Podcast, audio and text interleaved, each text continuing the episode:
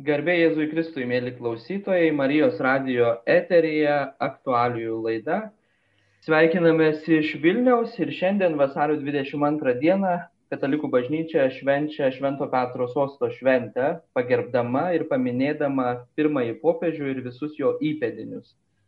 Popiežius latiniškai papa, tėvas, tai Romos vyskupas apaštalo Švento Petro įpėdinis. Švento Petro sosto šventė tai labai sena, Romoje nuo ketvirto amžiaus pabaigos paliudyta tradicija, kurią Dievui dėkojame už misiją patikėtą paštalui Petrui ir jo įpėdinėms. Katedra pažodžiui reiškia pastovų vyskupo sostą pastatytą viskupijos pagrindinėje bažnyčioje, dėl to jį vadinama katedra ir simbolizuoja vyskupo valdžią, galvoje pirmiausia turint jo mokymą atitinkantį Evangeliją kurį jis kaip apaštalų įpėdinis pašauktas sergėti ir perteikti krikščionių bendruomeniai. Perimdamas jam patikėtą dalinę bažnyčią, vyskupas su mitra ir vyskupo lasda sėdasi į savo sostą. Iš šio sosto jis kaip mokytojas ir ganytojas vadovauja tikinčiųjų tikėjimo, vilties ir meilės kelioniai. Galėtume pagristai klausti, kurgi buvo Šventojo Petro sostas tas, kuris Kristaus buvo išrinktas ir pavadintas uola, ant kurios bus pastatyta bažnyčia, po viešpaties prisikelimo ir sėkminių šventės pradėjo savo tarnybą Jeruzalėje. Sakytume, pirmoji bažnyčios sostinė buvo vakarienės kambarys. Tikėtina, kad kambaryje, kuriame su mokiniais meldėsi Jėzaus motina Marija, Simonui Petrui buvo rezervuota ypatinga vieta. Vėliau Petro sostas persikėlė į Antiochiją, miestą senoviai priklausiusi Sirijai, šiandien jis priklauso Turkijai. Anuomet tai buvo trečias pagal svarbą Romos imperijos miestas po Romos ir Aleksandrijos. Petras buvo šio miesto vyskupu. Iš ten dieviškoje apvaizdą Petrą nuvedė į Romą, Romos imperijos centrą, kur jis savo Evangelijos tarnybą užbaigė kankinystę. Todėl Romos sostui dėl to įgyjusiam didžiausią garbę atiteko ir Kristaus Petrui patikėta užduotis - tarnauti visoms dalinėms bažnyčioms, visos Dievo tautos statydinimo ir vienybės labui. Po šių šventojo Petro kelionių Romos sostas buvo pripažintas Petro įpėdinio sostu ir Romos viskupijos katedra reiškia apaštalo, kurį Kristus įpareigojo ganyti visą kaimenę sostą. Tai liudyja ir patys ankstyviausiai bažnyčios tėvai, kaip antai Liono vyskupas šventasis Irenėjus, kilęs iš Mažosios Azijos. Jis viename iš savo traktatų Romos bažnyčią apibūdina kaip didžiausią, seniausią ir žinomiausią, pastatydinta Romoje abiejų šlovingo paštalų Petro ir Pauliaus. Jis dar pridurė, jog su šia bažnyčia dėl jos ypatingo pirmumo būtinai turi sutarti kiekviena bažnyčia, tai yra tikintieji, kur ir kaip jie bebūtų.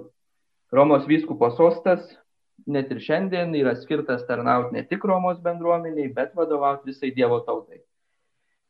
Apie Romos vyskupo sostą ir popiežiaus tarnystę šiandieninėme pasaulyje kalbėsime su buvusiu Lietuvos ambasadoriumi prie Šventojo sosto filosofu, profesoriumi Vytautu Ališausku, o laidą vesiu aš, Vilniaus Švento Juozapo kunigų seminarijos.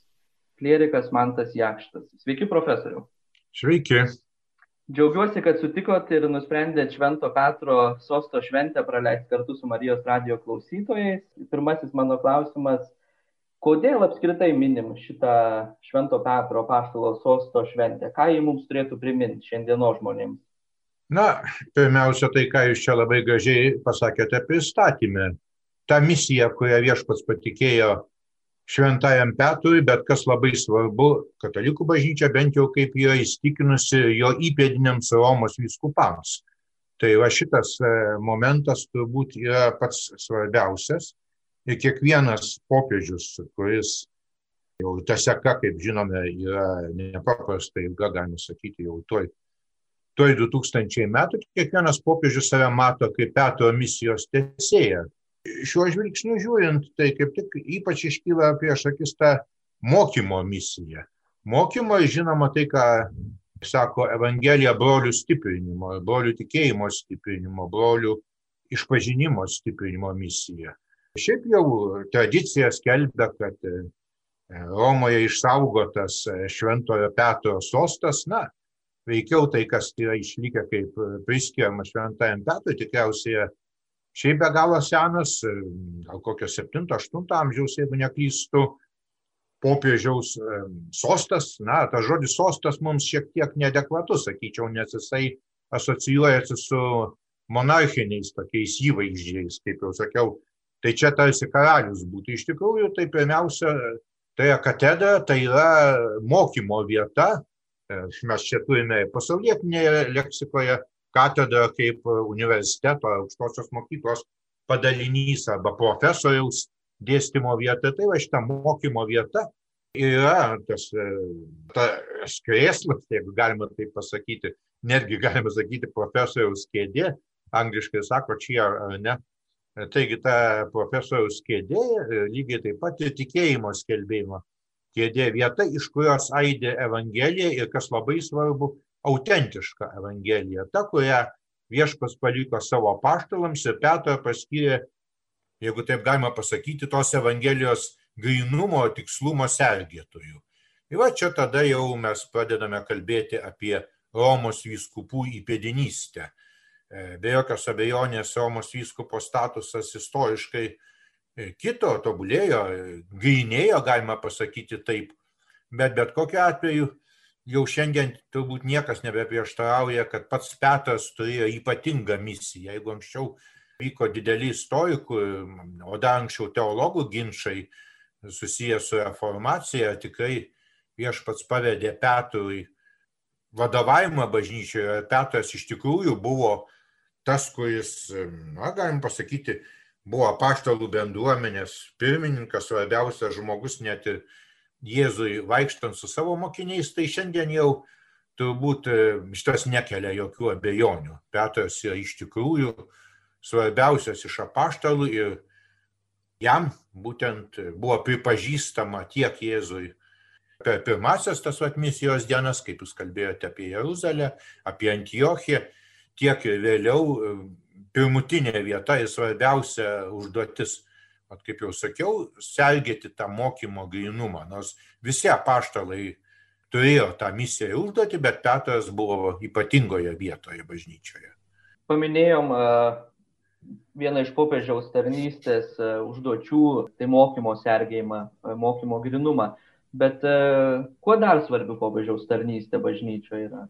popiežius iš viso, jeigu mes kalbame, kaip ten bebūtų, pirmiausia vis tiek kalbame apie katalikų bažnyčią ir matome ją kaip tokią tiesioginę apaštalų bažnyčios tasą, nors neseniai minėjome ekumenizmo dienas, ten mes apmastome, kaip toje tarnystėje, apaštalų perduotoje tarnystėje dalyvauja kitos bažnyčios arba bažnytinės bendruomenės, bet čia šiuo atveju mums svarbu yra tai, kad popiežius yra regimas bažnyčios vienybės ženklas.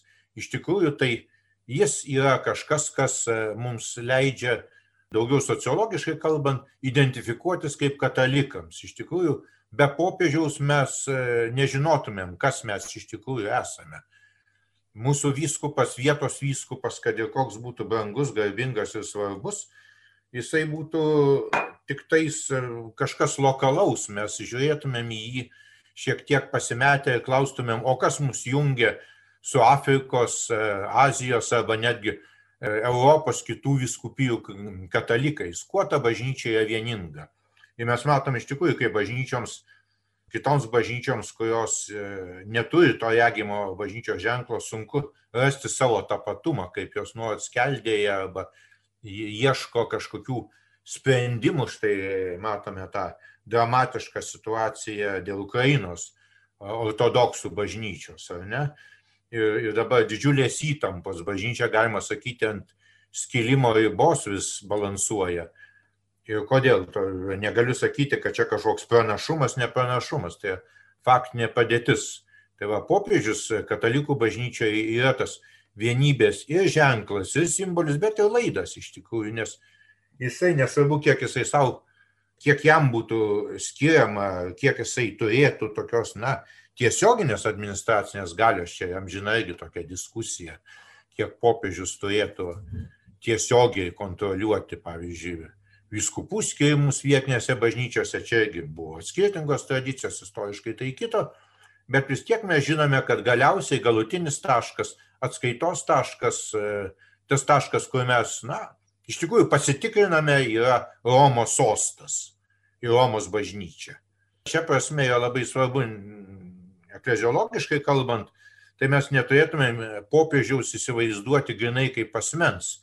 Jo visa misija, jo visas kilnumas kyla iš to, kad jis yra Romos vyskupas štai jūs sakot, kad e, popiežius yra mūsų kaip katalikų vienybės e, simbolis arba vienybės garantas, bet e, be kita ko atsirastų ir tokių žmonių, kurie pasakytų, kad būtent Romos vyskupo primatas ir yra kliūtis vienybei tarp krikščionių apskritai. Kaip jums atrodo šitą? Na, jeigu einant iš tokio žvelgiant iš ekumenės perspektyvos, klausimas turbūt yra ne primato, o jo apriepties. Kasgi vis dėlto įeina į popiežiaus funkcijas, ką jisai gavo tik istoriškai ar ne, žiūrint e, konkrečios istorinės raidos, kas iš tikrųjų priklauso popiežiaus misijai, kurią jam per šventąjį Petrą patikėjo viešpats. Tikriausiai dauguma bažnyčių ir ypač rytų bažnyčios nebejotinai pripažįsta Romos vyskupui ypatingą vietą. Klausimas yra kitas ar teisingai ta vieta interpretuojama, suprantama ir taip toliau.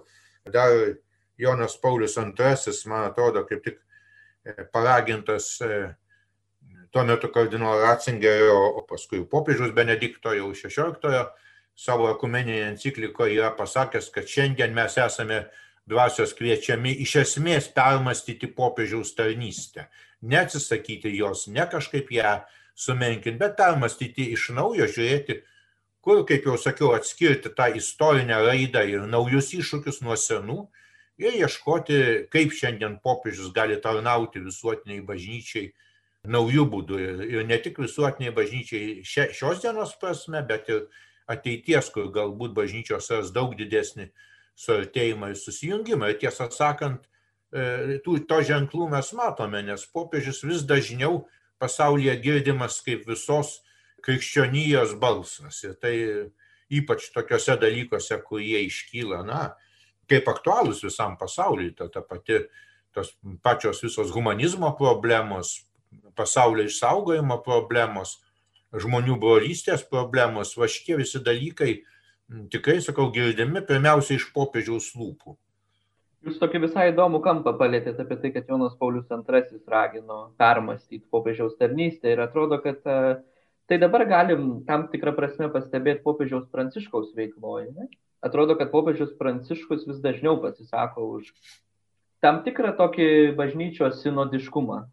Vis daugiau Na. nori išgirsti, kas aplinkui. Bet kai kas sako, kad tokiu būdu jis bando sumažinti, nežinau, paštalų sostą arba popiežiaus kaip asmens galės. Na, na, aš tai čia įžiūrėčiau labai rimtą testinumą, nes iš tikrųjų popiežius Pranciškus tęsė Benedikto XVI ekleziologiją, kai e, Benediktas XVI kalbėjo apie bažnyčią kaip apie komuniją, koinoniją, ne kaip apie tą aplink e, sakramentinę auką susirinkusią bendruomenę, tai jis aiškiai kalbėjo pirmiausia apie tam tikrą jos, pasakykime, horizontalų matmenį ir tą vertikalų matmenį, kuris yra pats Jėzus Kristus pats Dievo sūnus įsikūnijęs žodis, o ne, o ne konkrečios e, kažkokios administracinės biurokratinės struktūros. Ir tos administracinės struktūros eina būtent iš šito bendrumo susirinkimo aplink Jėzų.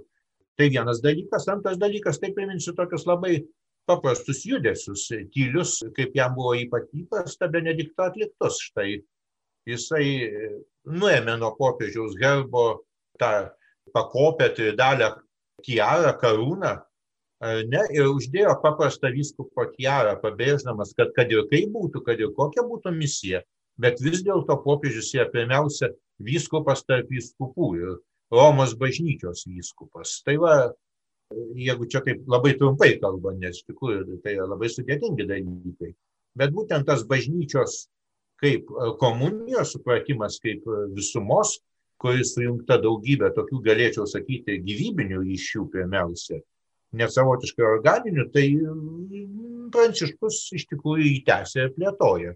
Ir šia prasme bažnyčia tampa vis mažiau vertikalizuota, bet ne ta prasme, kad tarsi būtų atsisakoma joje hierarchijos principo. Aš verčiau sakyčiau, bažnyčia atsisakoma tokio ne hierarchijos, ar būtent to, kas priešiška hierarchijai biurokratijos principo.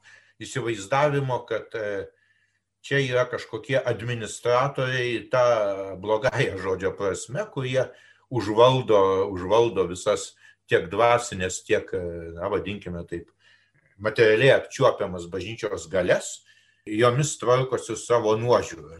Šito kaip tik tais siekia jau mažinti, atsisakyti jau vėlgi nei, nei Jonas Paulius, nei Benediktas, nei Pranciškas, o jau Vatikano antrasis susirinkimas, kuris matė, kad tas viduramžiais pradėjęs formuota, paskui apšvietos laikais susiformavęs bažnyčios kaip tokios paralelios politiniai bendruomeniai vaizdinys jis yra, jis yra na, nebeaktualus ir nebeautentiškas. Jeigu kadaise jisai tikriausiai buvo neišvengiamas, ar ne, tai šiandien jisai jau tampa beprasmis, nes mes nebeturime tos valstybės, tos politinės bendruomenės, kurią anksčiau įkūnydavo irgi labai aiškiai hierarchiškai sustatyti valdovai, imperatorius, karaliai, baronai ir taip toliau. Tai bažnyčia nebeprivalo savęs pozicionuoti kaip kažko priešingo ar atriboto nuo politinės bendruomenės, nes politinė bendruomenė pati tapo nebe tokia, kokia buvo.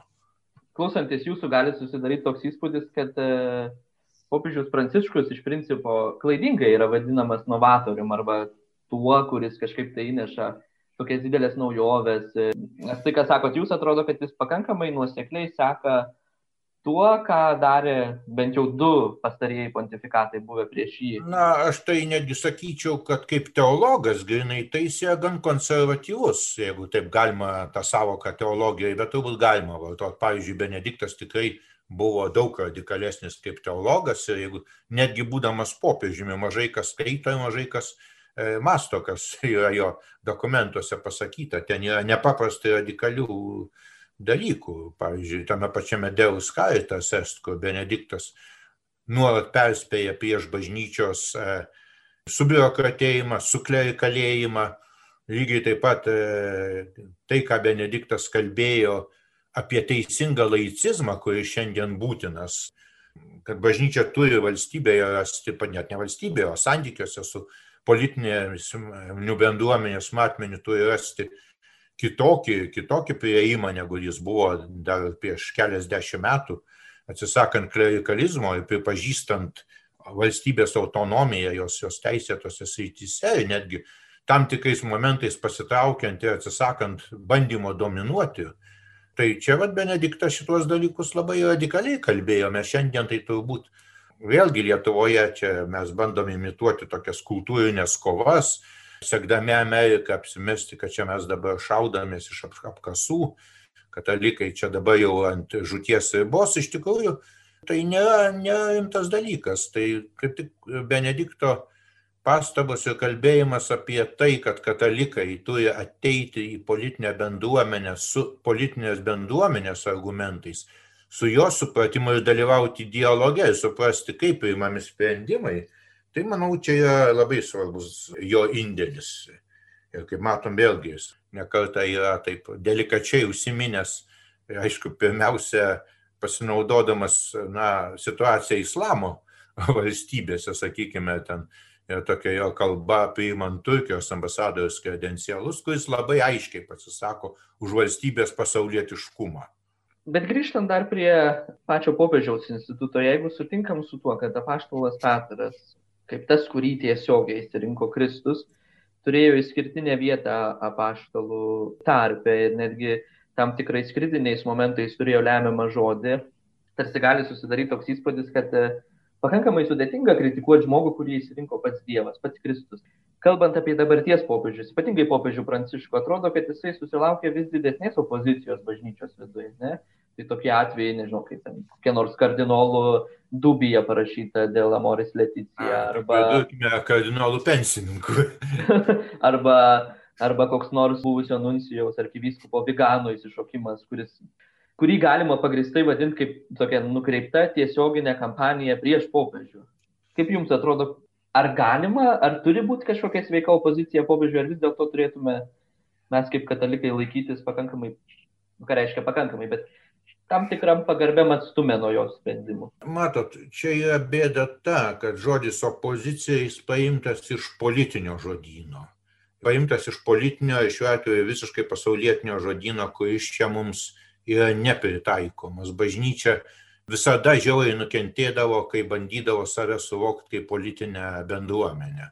Tai yra istoriškai visiškai tikra, čia ne, dabar negrįšim prie to, bet e, faktas, kad e, reikėtų vis dėlto kalbėti ne apie opoziciją popiežiui. Galbūt yra, bažnyčioje visada egzistavo, be kita ko, nuomonių skirtumas ar ne, kai kuriais klausimais. Tai nėra tikėjimo dalykai kai kurie, bet šiaip jau iš principo mes puikiai žinome tą tradiciją katalikų bažnyčios, kad tai, kas kadaise buvo vadinama sūniško atsidavimu popiežiui, ne, gilia pagalba ir pasitikėjimu pirmiausia popiežiumi yra, na, sakykime, mūsų laidas. Vėlgi tokie kaip Vigano ar ten tie minėti kardinolai, jie užmiršta, keistas dalykas, bet užmiršta tą bažnyčios tradiciją ir pradeda popiežiaus misiją biurokratizuoti, su skalpeliu anatomiškai narstyti, ar čia popiežius kalbėjo savo vardu, ar bažnyčios vardu, ar čia reiškia jo pasisakymai e, turi saistančią reikšmę ar neturi, nors tiesą sakant, kažkodėl tie patys žmonės, kurie vaidina didelius tradicijos gynėjus, užmiršta tradicinį mokymą, na čia galbūt yra ne mūsų laidos reikalas, čia labai sudėtingai skamba, bet būtent e, mokymą apie tai, kas nuo ordinarinių magisteriumų. Arba kitaip sakant, apie tai, kad popiežius ir viskupai daugia su popiežiumi iš principo tai skelbdami Evangeliją reikia manyti taip, populiariai būtiškai sakant, reikia manyti pirmiausia, kad jie vis dėlto moka autentiškai, kad jie yra vis dėlto Evangelijos kelbėjų, kol nėra įrodyta kitaip, tai reikia labai rimtai įsiklausyti į popiežiaus žodžius. O kad kita vertus Pranciškus, aišku, daugam skersai e, gerklės, e, na tai čia nieko nuostabaus, na pasakykime labai tiesiai. Pranciškaus susirūpinimas ir raginimas kreipti didesnį dėmesį į mūsų gyvenamosios aplinkos sergėjimą ir matymą, kad tai yra krikščioniška pareiga, tai akivaizdus faktas, kad tai yra krikščioniška pareiga saugoti sutvertą į pasaulį, tai kalbėjo Jonas Paulius II ir labai aiškiai vėlgi apie ekologiją kalbėjo Benediktas XVI, bet jo tokie radikalūs dabar akcentai be jokios abejonės, pavyzdžiui, kelia, na vėlgi tų pačių energetikos, energetikos milžinų nepasitenkinimą ir galime matyti, va štai vienas iš jų pasimirė, e, broliai Kochai Amerikoje, energetikos tokie tikrai milžinai, e, skiria pinigus tiesioginė žodžio prasme institucijoms, kurios turėjo kritikuoti popiežiaus politiką. Nieko čia, jokai sakau žodį politika, nieko čia aišku vėlgi baisaus nėra, diskusija teisėtas dalykas, bet diskusija turi vykti kaip čia pasakius, diskurso ribose, neturime kalbėti, e, jeigu kalbam apie tai, kad e, štai čia kelia bejonių tam tikri teiginiai, tai turime ne e, organizuoti išpolius ir peticijas, bet iš tikrųjų pateikti argumentus ir sakyti, kad štai šitoje vietoje, net ir būdamas popiežius, reiškia jisai pasakė, kad čia vat, na, koks nors Paryžiaus susitarimas yra didelis gėris, o didelis gėris jis ne dėl to ir dėl to, bet atkreipkim dėmesį tai, kad čia klausimas ne pačių konkretybių, ne, nes popiežius tikrai e, nėra daug e, daugiau žinantis, bet klausimas mūsų moralinės pareigos saugoti aplinką. O kaip jums atrodo, ar įvairiai interpretuojami popiežiaus pasisakymai žurnalistams? Ne? Čia turėjom neseniai nuskambėjusi atvejį dėl E, dėl tos pačios lyties asmenų partnerysčių arba kažkokio tai kito civilinio sugyvenimo kartu nesusilpninę paties popiežiaus autoriteto katalikų tarpė, nes aš, e, vad, būdamas seminaristas, tuo metu prisiklausiau tikrai pačių įvairiausių interpretacijų ir nuomonių iš paprastų žmonių, kurie, kurie tiesiog išgirsta tai, kas skelbiam bažnyčių arba šiuo atveju perskaitė interneto portaluose, kurie savo leido interpretuoti nu, tai pakankamai laisvai. Tai ir toks popiežiaus elgesys nežinau, galimas, galima vadinti jį neatsargiu, neapgalvotu.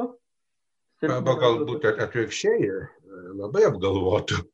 Noriu duoti tam tikrus dalykus diskusijai, o ne ten, kur popiežius kalba ne kaip koks tai mokytojas, galų galę netgi ne kaip įprastas pamokslininkas, bet tiesą sakant, vėlgi noras cenzūruoti ir pasakyti popiežiui, ką jis turi galvoti, Romos kūrijoje yra labai senas, mes žinome, vėlgi grįšiu prie popiežiaus Benedikto, kurio pontifikatą neblogai pažįstu, prie popiežiaus Benedikto pasisakymų, tai jo pasisakymai irgi žurnalistams lėktuve garsiajame, irgi buvo nekarta paskui cenzuruojami, atitaisomi, tikslinami ir taip toliau.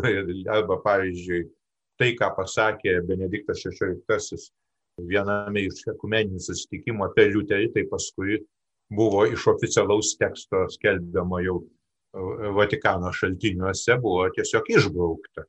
Nors tai buvo autentiškos popiežiaus kalbos dalis. Tai šitie dalykai visada kelia įtampas, kai popiežius yra giliau ir plačiau mąstantis už jo aplinką. Bet kita vertus, e, jeigu mes įsigiliname, tai klausimas yra kitas ta diskusija. Galbūt mes esam pernelyg, mes sakau, įvairiais aspektais pernelyg įsikabinę savo teisumo, pavyzdžiui, dėl tų pačių partnerysčių. Popiežius, tiesą sakant, nepasakė nieko ypatingai revoliucingo. Klausimas, kaip geriausiai išspręsti tokias problemas mūsų laikais, yra na, tiesiog labai akivaizdus. Ir kaip dabar krikščionis turėtų daryti. Tai buvo laikas, galim pasakyti tiesiai, buvo laikas, kai homoseksualumą buvo baudžiama mirties bausme ir dar su kankinimais. Galbūt kas nors ilgisi tų laikų, nenustepčiau, yra tokių žmonių, bet iš kitos pusės šiandien to tikrai nėra. Tai mes, aiškiai, turime visiškai naują istorinę situaciją.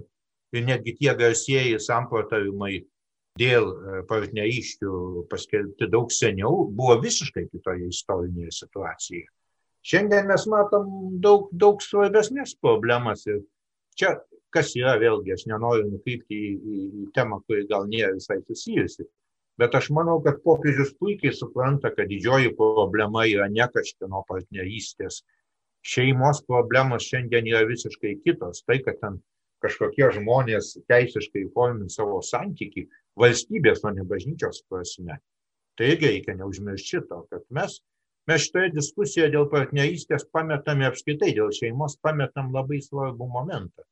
Kad šeima yra ne tik tais, tai daug kas mėgsta akcentuoti, prigimtinis institutas, kas tiesą sakant yra gan, gan tamsus miškas, jeigu leisimės į jį, bet e, yra sakramentas.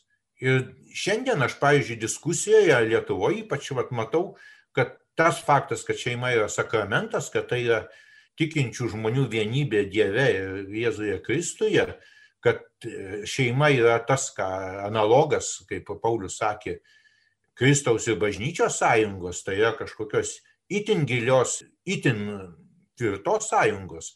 Visa tai kažkur iš diskusijos dinksta. Mes ten nuolatos svarstom, ar tai jeigu kažkokia pora žmonių gyvens kažkaip, kas ten ištiks kažkokią šeimą, kai tuo tarpu matom, kad e, vos ne kas antra šeima Lietuvoje apskritai yra išsiskyrusius arba subirėjusi.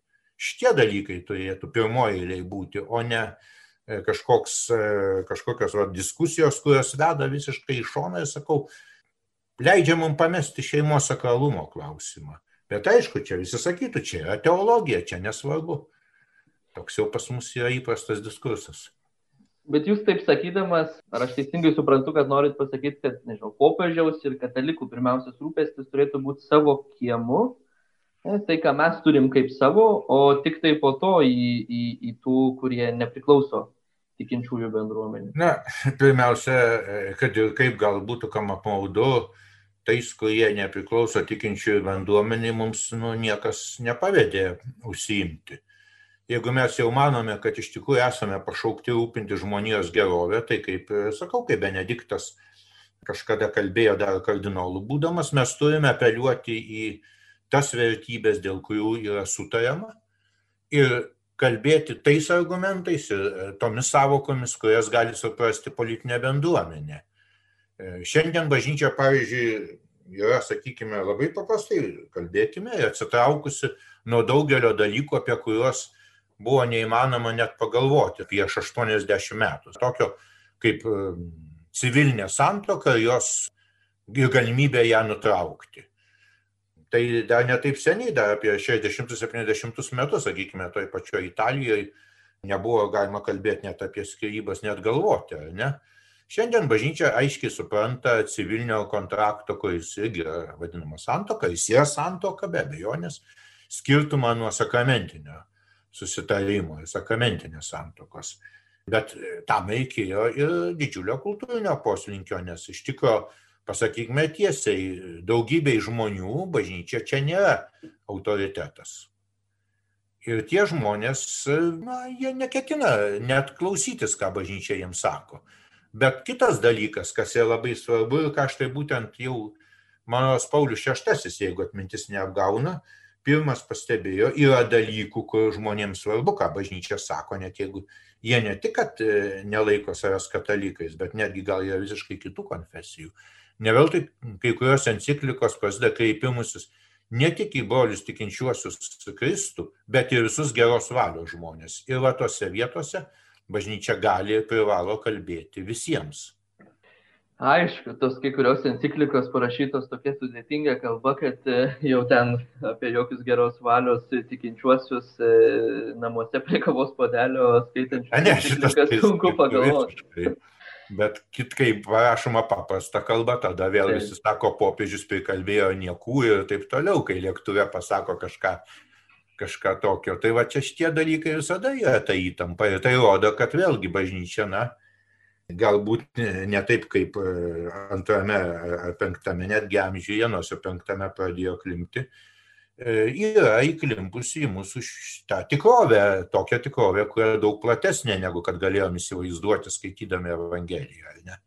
O kaip jums atrodo, nu, vat, ar tie paprasti pasauliečiai, e, tarp kurių ir aš tave priskirčiau, kurie prie kavos podelio laužo galvą, bandydami suprasti sunkia enciklikų kalbą apskritai, ar, ar kaip jie reaguoja į popiežių pasisakymus, paraginimus, ar kreipia dėmesį ar ne, nes kartais atrodo, kad popiežiaus pasisakymai, katechezės, bet Lietuvoje tai yra aptarinėjami, nu, geriausiu atveju kunigų, bet šiaip normaliai tai gal netgi dar aukštesnėse sluoksniuose ir grupeliai tų intelektualų katalikų, kurie, nežinau, glaudžiasi prie Na, matot, jūsų geras klausimas, kaip atrodo, tai tas atrodymas, kai neturi jokių duomenų, jis gali būti labai klaidingas, kai čia mes sėdime ir kalbam netgi dabar čia per net asmeniškai negalim pakalbėti, tai dar sunkiau galima įkliūti tokią saviapgaulės pinklės. Bet aš manau, kad popiežius yra svarbus ne vien tik tais, tais savo teologiniais orientyrais, kuriais jis duoda, kurios duoda bažnyčiai, bet būtent kaip, kaip jau sakiau, kaip tikėjimo ženklas. Pažiūrėkite, kiek žmonių sėdi prie televizorių, kai būna popiežiaus palaiminimai urbė torbė, ne? Kiek žmonių stebi šventų mišių transliaciją iš Švento Petro bazilikos arba, pavyzdžiui, prisimenam tą popiežiaus maldą pandemijos pradžioje, kuri tikrai sustiprino daugybę tikinčių netgi tolimų kasdieniai praktikai žmonių Švento Petro aikštėje. Kitaip sakant, egzistuoja vat, būtent, kas mano nuomonė yra labai svarbu, tas toksai to dukteriško, sūniško netgi broliško ryšio jutimas su šventuoju tėvu. Tas vis dėlto pavadinimas šventasis tėvas, kuris glūdė žodėje popiežius, jis turėtų ir, kas labai svarbu, ir Evangelijos perspektyvoje, kai Jėzus sakė, nesivadinkite tėvais ar mokytais, tai būtent jisai yra negalios įvardyjimas, o telkimo, bendrystės, pasitikėjimo ženklas, pasitikėjimo toks, na, netgi sakyčiau, savotiška etiketė. Ir va šitie dalykai, man atrodo, yra nemažiau svarbus negu tai, kad popiežius ten išleidžia tikrai reikšmingas enciklikas, bet vėlgi yra tam tikras niuansas. Negalima to sudėtingumo, aš sakau, žinau, žinau tą skepticizmą Lietuvoje, kuris dominuoja teologijos apskritai intelektualaus tikėjimo suvokimo atžvilgių. Nes Lietuvoje kažkaip tikėjimas labiau suprantamas kaip galios ir varžybų laukas, ypač iš tokių aktyvesnių žmonių. Bet iš tikrųjų tai vėlgi egzistuoja, egzistuoja, sakykime taip, labai paprastai prasmė tuose dalykuose. Tai, ką kalbėjo, pavyzdžiui, Jonas Paulius II apie gyvybės kultūrą, dažnai tai gauna keistas tokias groteskiškas formas, Bet apskritai įmant pasaulyje tai padarė didžiulį įtaką. Ir jo enciklikos, ir jo kasdieniai, tie eiliniai mokymai. Ir žmonės pradėjo kitaip žiūrėti. Tai nereiškia, kad visi puolė ir uždaudė abortus. Bet jeigu mes pažiūrėsim į bendrą kultūros, vat, tiek mokslo, tiek mokslinio tyrimų lauką, tai sakykime, vis daugiau ir daugiau stengiamasi gerbti gyvybę įvairiais požiūrės. Net ir tas pats skiepų klausimas, kuris iškilęs, mokslininkai labai akcentavo, kad tai vis dėlto yra na, dalykai, kurie ne, nėra tiesiogiai kažkaip susiję su ta nepagarba gyvybei, kuri galėjo būti. Ir aš sakau, arba kalbant apie tuos pačius gydimo metodus, ar ne, kamieninių lastelių, dabar yra milžiniški pokyčiai ir be kita ko, ne, netgi man būnant ambasadoriumi, jau žinau, kad ir po to buvo dar Vatikane didžiulė farmacinių kompanijų konferencija mokslinė, kur buvo pristatomi nauji etiškai adekvatus e, gydimo metodai, kurie jau visiškai kitokie iš principo. Ir buvo tiesiai sakoma, kad katalikų bažnyčios pirmiausia mokymas, katalikų bažnyčios raginimas e, siekti šito gėrio paskatino, paradoksaliai paskatino mokslo pažangą netgi. Tai šia prasme negalima, sakau, taip nurašinėti ir sakyti, kad ai čia painiai ten Benediktas parašė, o Pranciškus tai gal ne taip painiai rašo, bet už tai be galo ilgus tekstus. tai šitie dalykai, jie, jie veikia. Nebūtinai, sakau, galime pirštų juos tai parodyti šiandien o jūsų vertinimu, kokius vaisius duoda e, tokio pakankamai plataus masto dialogas popiežiaus pranciškaus su visais tiek netikinčiais, tiek su visuomenės arba šalių lyderiais ir turbūt jau dabar po šitiek metų jo pontifikato galima kalbėti ne tik tai apie pačią pastangą, bet ir apie rezultatus.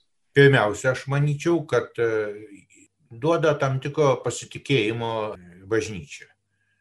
Vis dėlto mes žinome didžiulę krizę, į kurią bažnyčia buvo įkliūsi, tai niekam nėra paslaptis ir jos negalima niekaip sumenkinti.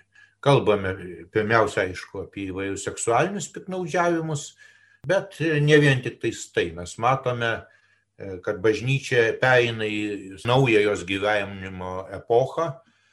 Mes čia Lietuvoje mažai žinom, bet iš tikrųjų yra didelis klausimas apie bažnyčios finansų skaidrumą, nes bažnyčia jau viskas, sakykime paprastai, po garsiosios rugsėjo 11-osios pasauliniai finansai yra veikia visiškai kitaip negu iki tol. Bažnyčios struktūra paremta tokia, na, sakykime, vertikalia labai aiškia hierarchija apskritai buvo atsilikusi šitose srityse ir jau vėlgi Benedikto laikais buvo bandoma daryti pastangas, jos tęsiamas labai smarkiai Pranciškaus, ir kurijos reforma, ir ten žinome kitus dalykus. Tai visa šita košė, į kurią buvo įkliūsi bažnyčia, tikrai praradusi savo kredibilumą. Pranciškaus pastangomis tas kredibilumas, patikimumas pasitikėjimas bažnyčia vėl pamažu sugrįžta. Sugrįžta, aišku, ne vien pranciškaus pastangų dėka. Tai vėlgi, kaip jau sakiau, šitas procesas apsivalymo jau prasidėjo jau Jono Pauliaus laikais, dar nebuvo galbūt mastas problemų suvoktas. Benediktas jas jau matė, bet įsibėgėti tiesiog gal ne, nespėjo, o štai dabar matome jau Pranciškus iš tikrųjų gan drąsiai ir tiek, kiek tai manoma tokioje, na, sakykime, lietai veikiančioje institucijoje, tai natūralu, kad yra lietai veikianti. Tai turbūt vienintelė, jeigu ne, neklystų, pasaulio institucija, kuri išliko adekvačiai identiška, taip sakant, kurios e, istorinis testinumas yra dviejų tūkstančių metų. Gal galima rasti tokių tūkstantmečių, kokių vieną kitą, bet šiaip tai jau Tai nėra toksai laivas, kurį gali sukioti. Švento Petro laivas yra labai didelis ir sunkus. Taigi, tai bet bet kokiu atveju tai yra tikrai svarbus dalykai ir, kaip sakiau, bažnyčios pasitikėjimas ir, ir toje tiesiai politinėje plotmėje, autoritetas tebėra išlikęs. Vis dėlto kiekvienas, kiekvienas valstybės vadovas ir toliau mato pareigą susitikti su popiežiumi. Ir be jokios abejonės, tai aš atsimenu lygiai kaip buvo Benedikto laiku, tai Obama, kuris nebuvo nei katalikas didelis, Tai, tai visiškai ne katalikas, ta prasme, jis buvo protestantas ir kita vertus nebuvo tarp jo rinkėjų super didelio katalikų galbūt skaičiaus, ten, ne, vis tiek tai nebuvo dominuojantis skaičius, iš karto, iš karto ir antroji kadencija vos išrinktas, tučtai jau skambino popiežiui ir tarėsi, pats skambino ir tarėsi jau dėl susitikimo. Tai yra, rodo, kokią prasme tai turi šitą tarnystę, kokią misiją popiežius atlieka. Ir sakau, kartais mat, mes labai norime efektyvių rezultatų. Na va, čia kažkas, kai mes sovietų laikais dar buvome mokomi ir kažkur žmonių pasąmonė išliko, ten 50 procentų daugiau, arba tenais, reiškia, kažkas pasveiko tučtojo ar dar kokių. Ne, yra dalykai, kurie yra procesai ir tie procesai duoda, duoda nemažiau svarbius rezultatus negu, negu, sakyčiau, staigus kažkokie įvykiai. Nes staigus įvykiai dažnai kaip tik įvyksta ir pasibaigia, niekas jų nebeatsimena paskui. O procesas reiškia didelius pokyčius ir tie pokyčiai tikrai vyksta. Tik dabar įsijungusiems Marijos radiją norim priminti, kad e, eteryje aktualijų laida ir švesdami Švento Petro sosto šventę kalbamės su buvusiu Lietuvos ambasadoriumi prie Šventojo sosto filosofu profesoriumi Vytautu Ališausku.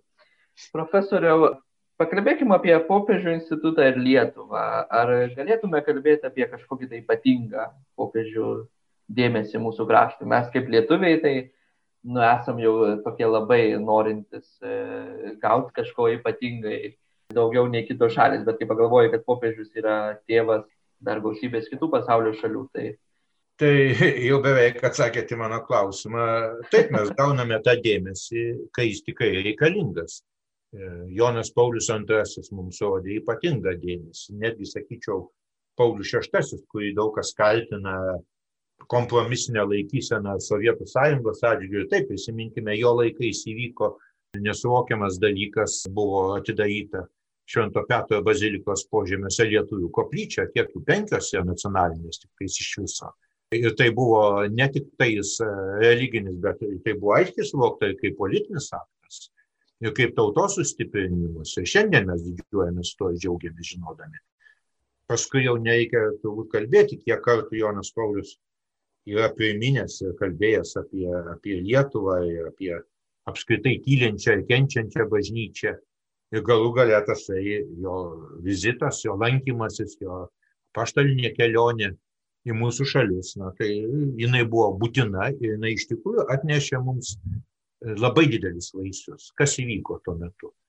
Galiu pasakyti tiek savo, tiek ir kitų analitikų nuomonę, Lietuvos bažnyčia pirmiausia suvokė save kaip katalikų bažnyčios integralią dalį, atskirta, gyvenusi už e, geležinės uždangos, taip save žinanti, kaip suvokianti, kaip katalikų bažnyčia, bet vis dėlto to asmeniško išgyvenimo, tos patirties, kad esame kito pasaulio, mes neturėjome. Ir štai popiežiaus atvykimas mus tarsi suvienijo su visa bažnyčia. Ir tas, tas poslinkis įvyko tikrai, kai mes klausime, kokie rezultatai.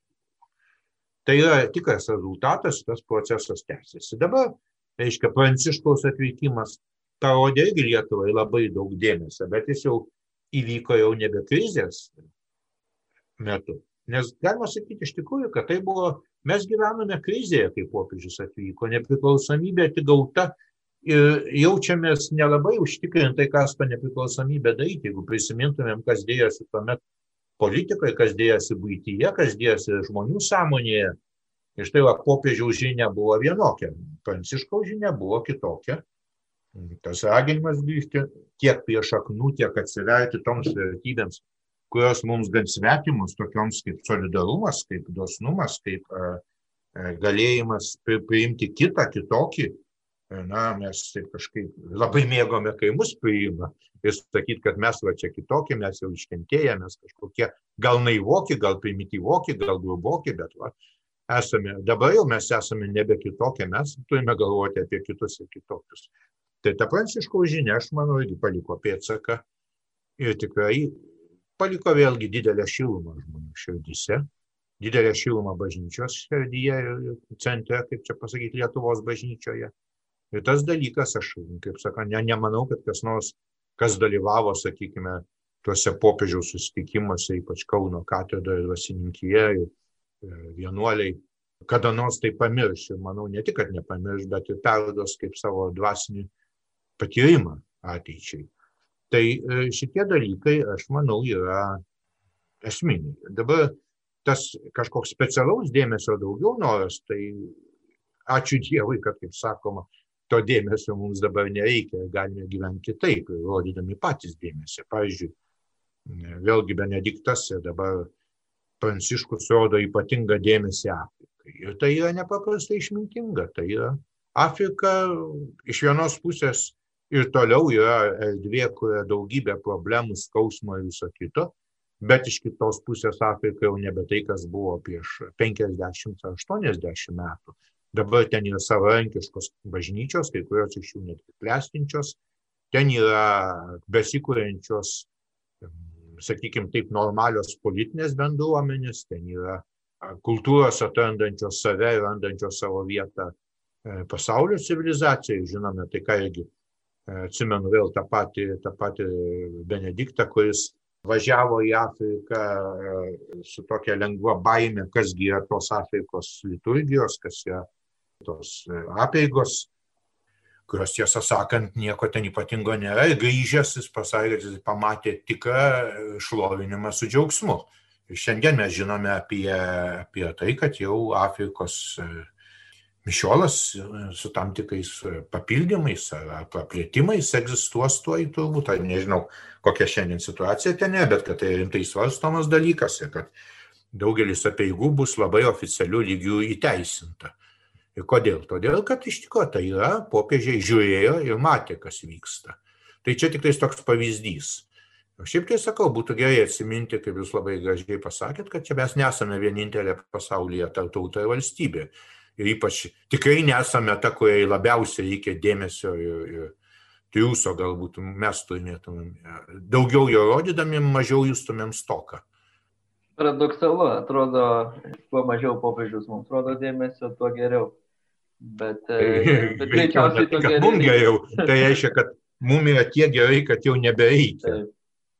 Tai, tai yra svarbu.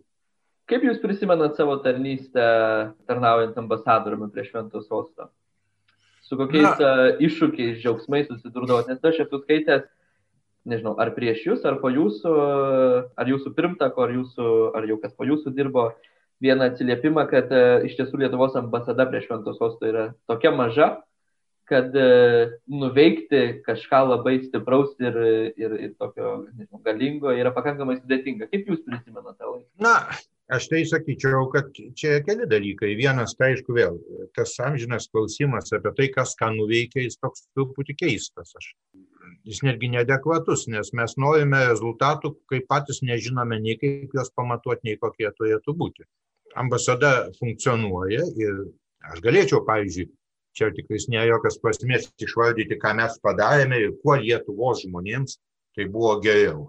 Arba kam nors dar, ko buvo geriau, pavyzdžiui, ta pati ambasada, aiškiai, ambasadorius, pastangomis buvo pasirašyta tarptautinė sutartis su šventuoju sostu dėl akademinių diplomų ir laipsnių pripažinimo, kuris iškart labai palengvina žmonių gyvenimą. Ir tai, man atrodo, svarbu yra, nes žmonės kartais galvodami apie ambasadą prie Švento sosto tikrai turi pagristų klausimų, nes visiems labai aišku, kad jeigu ambasada yra kur nors Ispanijoje, tai ambasada tvarko kokius nors prekybinius, ekonominius ryšius. Na, vėlgi, tai yra, va čia mes peiname apie kitos temos, kurie labai įdomi, bet e, per didelė. Tai yra klaidingas manimas. Ambasada nėra verslo įmonė. Taip, ambasada dažnai tarpininkauja, padeda kontaktuoti ir taip toliau bet tai tikrai ambasada niekada už verslą nesukurs verslo, ne, ambasada niekada nepadarys, aš nežinau, dar kokių dalykų. Ambasada yra vieta, yra kanalas, kuris garantuoja abipusį šalių bendravimą, netgi sakyčiau, kai kada ir krizinių momentų sprendimą efektyvų ir panašiai. Sakau, mes visada norim kažkokio tokio labai naiviai pamatuojamo daikto, kuris galiausiai kiekvieno kritiko mintimis baigėsi tuo, kiek mano piniginiai padaugėjo eurų. Na ne, ne, ne tai yra esmė. Esmė, kad apskritai tavo gyvenimas yra geresnis ir tu net nejunti. Tai o grįžtant prie ambasados prie šventos sostą, iš tikrųjų, tai ambasada atlieka tradicinės diplomatinės funkcijas, tai yra vertikalų ir horizontalų ryšių palaikymą, nereikia užmiršti, kad tai yra nepaprastai svarbi diplomatinių požiūrių vieta. E, turbūt kitos tokios vietos Europoje, kur būtų tiek reprezentantų reziduojančių atstovų, tikrai nėra, jų skaičius auga be kita ko. Jau man būnant ten gerokai padidėjo, dabar skaitau vis, kad vis naujos ambasados įvairių net arabų šalių, musulmoniškų šalių atsidaro. Žodžiu, tai čia yra vienas dalykas ir, ir tas horizontalus matmuo yra labai svarbus. Ne, ne viską čia galima ir pasakoti, išeina pasakoti. Kitas, kitas, aišku, matmuo, tai palaikymas santykių su šventuoju sostu ir, sakykime, tokie labai paprasti dalykai, neįsivaizduokime, reiškia, kaip jau sakiau, viso pasaulio e, vadovai, premjerai, ir karaliai, ir prezidentai, ir galų gale e, įvairių šalių ministrai, įvairių sričių atvykę lankosi Ir šituos dalykus ambasada irgi organizuoja, čia gal kam nors atrodo, kad tai yra niekai, bet tai yra tikrai didelis ir sunkus darbas ir parengti taip vizitą, kad jisai būtų nors kiek efektyvus. Galiausiai yra, tai yra, sakau, tos kasdienės mūsų veiklos rezultatai ir man būnant, pavyzdžiui, buvo ir prezidento, tai prezidentės vizitas, ir premjero du vizitai, ir užsienio reikalų ministro du vizitai Ir tai yra tikrai e, labai nelengvi dalykai. O jeigu kalbam apie didesnės valstybės, tai apskritai ten yra nepaprastai svarbu. Sakykime štai, kad toks labai svarbus momentas, kurį jau gal visi primiršo, e, Lietuva dalyvavo, e, dalyvavo labai garsioje Europos žmogus teisų teismo byloje Lauce prieš, prieš Italiją, kur buvo E, siekiama, kad Europos žmogaus, teismo, Europos žmogaus teisų teismas uždraustų religinius simbolius Italijos mokyklose. Ir reikia pasakyti, kad ambasada čia nemažai prisidėjo, kad Lietuva įstotų kaip trečioji šalis, tai jas suinteresuota apginti religinius simbolius ir reikia pasakyti, didžioji kolegija apgynė iš tikrųjų religinių simbolių buvimą Italijos mokyklose, o tai reiškia daug daugiau negu tik tais tai. Bet tik pasakysiu tokią detalę paprastą, kad, sakykime, Lietuvos ir Italijos santykiai, ne tik tai Šventojo sosto, bet Lietuvos ir Italijos labai atšilo palyginti, nes Lietuva pasirodė dar kaip Italijos draugė. Tai čia tokios smulkmenos, kurie sakau, čia pasakoti galima daug įvairių dalykų. Bet šiaip jau mūsų ambasada, aišku, yra labai maža, Realiai ten yra tik ambasadorius, antrojo vadinamo diplomatinio asmens nėra, yra raštinės vedėjas, dėl to, kas labai verkia, kad čia brangiai kainuoja, galiu pasakyti, kad tikrai gali nesijaudinti, turbūt tokios mažos kitos ambasados prie šventojo sosto nėra. Toks jausmas, kad mes esame, na, šalis, kur šitie dalykai minimaliai svarbus. Tik tai, sakykime, Švedijos ambasada maždaug irgi panašiai, yra, kur yra protestantiška, be galo sekuliari ir taip toliau. Na taip, atrodo, kad e, visai yra kur pasitemti. O, o kalbant apie tą norą pamatuoti veiklą, tai aš manau, kad jis toks labai žmogiškas ir nesvetimas mums visiems, bet e, duok dievę, kad e, ypatingai bažnytinėje aplinkoje matuotume, nežinau, pritrauktom sielom arčiau Kristaus, o ne. ne. Na, šitą dar sunkiau pamatyti, žinoma, suskaičiuoti, nes niekad nežinai, kur krenta tas grūdas, apie kurį kalba evangelistas. Taip. E, vienas paskutinių klausimų. Kaip Jums atrodo, profesoriau, ar e, popiežiaus veikla arba, nu jo, greičiausiai, kad veikla E, ir tarnystė e, stipriai keičiasi per pandemiją? Ar šventasis sostas buvo pasiruošęs? Na, aš sakyčiau, kaip ir visa kita, e, kaip ir visose kitose srityse, na, netenka to tokio Romai būdingo ir labai tikrai estetiškai pagavaus na, vaizdumo, spektakuliarumo, to tokio, reiškia.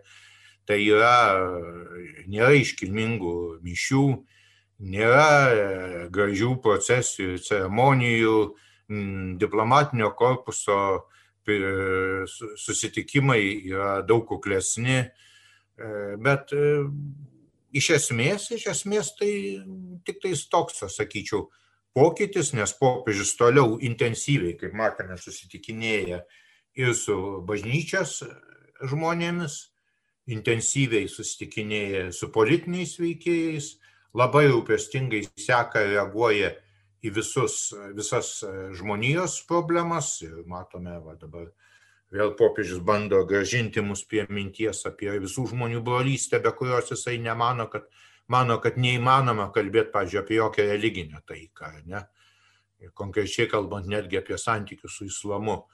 E, galų gale, e, jeigu taip kalbant apie popiežiaus e, mokamoje misiją, tai popiežius vis tiek nenutraukė nei savo katechezių.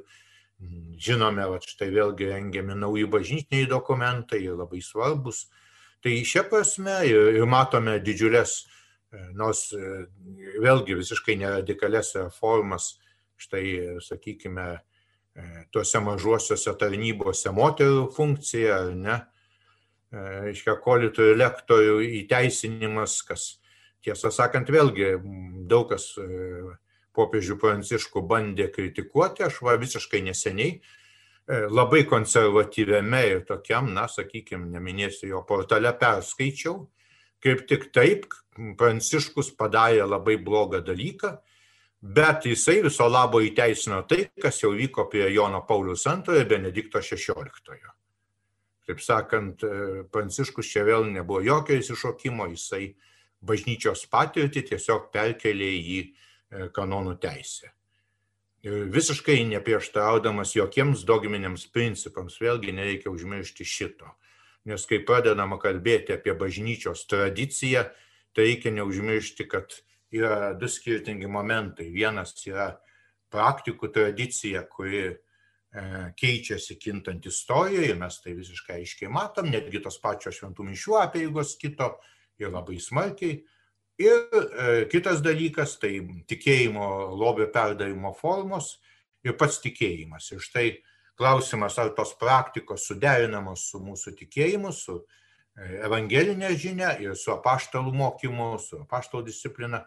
Tai yra e, visiškai skirtingi klausimai. Šiuo atveju popiežius Pranciškus yra tikėjimo sargas, o ne tikėjimo e, koks nors iškaipytojas, kaip mums bando kai kas parodyti. Žinot, atrodo, kad vyrauja tokia nuomonė, kad atidarius vienas duris, po to bus e, norima atidaryti ir daugiau tų durų. Na tai geras patarimas dar užsikalti langus ir apsivinioti galvą tualetiniu popieriumi, tada tikrai niekas nedaug die nepridės. Jeigu mes nepasitikime Dievu, jeigu mes nepasitikime šventosios dvasios vedimu bažnyčioje, tai tada, aišku, mūsų gyvenimas ir tai yra tik uždarytų durų baimė. Aš va, atsimenu iš nuostabią frazę iš Tomo Elioto misterijos nužudimas katedroje apie šventąjį Tomą Beketą. Artėja žudikai, e, pasiūsti karaliaus ir diakonai ir kunigai šaukia, uždarykite duris, uždarykite duris katedroje mišių metu. O jis sako, ne, palikite bažnyčią, turi būti atvira net ir jos priešams. Ir va šitas dalykas, manau, yra iš dalies ir pranciškaus mąstymė. Na ir paskutinis klausimas, gal ne visiškai uh, lengvas, kokio norėtųsi pokalbio pabaigai, bet uh, pats popiežiaus titulas reiškia tėvą. Ne? Ir, bet neretai tenka skaityti, kad kai kurie apžvalgininkai pastebi arba sugeba pastebėti arba atranda ir iškapsto uh, tam tikrų atskirties ženklų tarp popiežiaus tarnystės arba jo pasisakymų ir kalbų ir tada tarp viskupijų arba paskir, viskupijų, viskupų arba paskirų teologų. Tai ką noriu klausti, ar nėra kartais taip, kad uh, yra mušama į vienus vartus, tarsi popiežius kažką pasako, o tada viskupai vietinėse bažnyčiose yra priversti reaguoti, aiškintis, arba kaip jūs sakot, nežinau, pabandyti įsprausti popiežiaus žodžius į, į teisingą liniją. Na tai čia yra blogiausia, jeigu kokie nors viskupai mano, kad jie turi teisingą liniją, o popiežius negali, jam reiktų pagalvoti apie savo įpėdinius. Kaip vienas vieną kartą kalbant kažkokioje diskusijoje pasakė, reiškia, apie tos popiežiaus kritikus, kad Liuteris tikriausiai dabar iš apmaudo, iš apmaudo pirštus grauštų, kad jisai taip nemoka kovoti su popiežium kaip tie, kurie pristato save kaip katalikais. Bet tai čia yra biškai kitas klausimas. Man atrodo, kad bažnyčioje niekada nebuvo ir mes truputį gyvenam tokio, tokios, vadinsim, su tokia istorinė pamėklė. Bažnyčioje niekada nebuvo tokio supermonolito. Mes galim prisiminti tą patį Vatikano pirmąjį susitikimą, susirinkimą, kur įvyko, nu, tikrai skaudus kilimas, ar ne? Galime prisiminti įvairias, įvairias, na, vadinkim taip, įtampas pačioje Vatikano kūrijoje istorijos paliūdytas, ar ne? Galim prisiminti ir teigiamus dalykus, tą, vadinkime, būtent ne, ne, ne, ne, ne bažnyčios kritika, ką, ką aš nenorėčiau šitą savokas vartoto, pranašišką misiją, kurią atliko daugelis šventųjų, netgi gan kietai žodžiais kreipdamės į popiežius, bet ne, nemokydami juos kaip mokyti tikėjimo, o ragindami atsidėti bažnyčios misijai daugiau, ne, pavyzdžiui, Avignono laikais, nelaisvės. Čia, e, bažnyčia visada yra labai didelė ir pluralistiška. Ir manyti, kad visi vienu choru kalbės. Aš sakyčiau, kad šiandien netgi bažnyčioje yra truputį daugiau vienybės, negu mums atrodo. Aš kaip šioks toks istorikas, tai turiu pasakyti, sakau, kad e, bažnyčia buvo daug, buvo epizodų, kai bažnyčia buvo daug labiau pasidalinusi, daug labiau subirėjusi. Ir kita vertus, va tasai e, toks bažnyčios siekis e, vėl grįžti, tapti moraliniu pavyzdžių ir pasauliui. Atkreipkime dėmesį, kad pasaulis mes skaudinamės, kad pavyzdžiui, na, sakoma, štai pedofilijai, ten, reiškia, bažnyčioje, panašiems dalykams, pasaulis, reiškia, kelia didesnius reikalavimus, pažiūrėkite į ten į berniukų chorus, sporto mokyklas, jaunuolių internatus, rasite dar ne to. Bet vėlgi pagalvokime, ar tai nėra tas instinktyvus noras bent bažnyčioje turėti pavyzdį netgi tų, kurie yra svetimi jai tarsi. Bet jie kažkaip instinktyviai supranta, kad bažnyčia yra vieta, kur turi galioti kitokie reikalavimai. Tai va dėl šito, tai sakau, mes turbūt turime laiką, kuris greičiau yra geras negu blogas. Jeigu mes prisimintumėm, kaip atrodė bažnyčia Tridento susirinkimo laikais, tai tikrai moralinis pakrikimas joje buvo, pasakysiu tiesiai, daug didesnis, finansinių piknaudžiavimų kiekis buvo toks, kad mes jo net įsivaizduoti negalime, prisiminkime netgi iš dalies tą pačią prekybą indulgencijomis. Na ką čia kalbėti, Tridento susirinkime bažnyčia, kaip sakyti, suėmė pečius, galima sakyti, ir pakilo naujam gyvenimui, pradėjo naują reformą. Jau šį kartą vėlgi, kaip jau mes dažnai pamirštam, čia mums tokia pasaulietinė istorija, labai politinė istorija greičiau primetė savoką kontrreformaciją. Iš tikrųjų, esminis dalykas studento susirinkimo buvo ne kova su protestantizmu, o bažnyčios reforma. Kaip tik buvo įsteigta reformos kongregacija, kuri turėjo koordinuoti tuos įvykius. Tai va, tai šita bažnyčios reforma vyksta, tiesą sakant, nuolatos. Ir, ir dabar šiandien stebėtis tą reformą, kuri vyksta, yra taip truputį naivu tiems žmonėms, kurie istorijos, bažnyčios istorijos nepažįsta, galbūt tai yra nuostabus dalykas, bet tiem, kas ją žino, tai yra tiesiog e, labai gera bažnyčios būsena.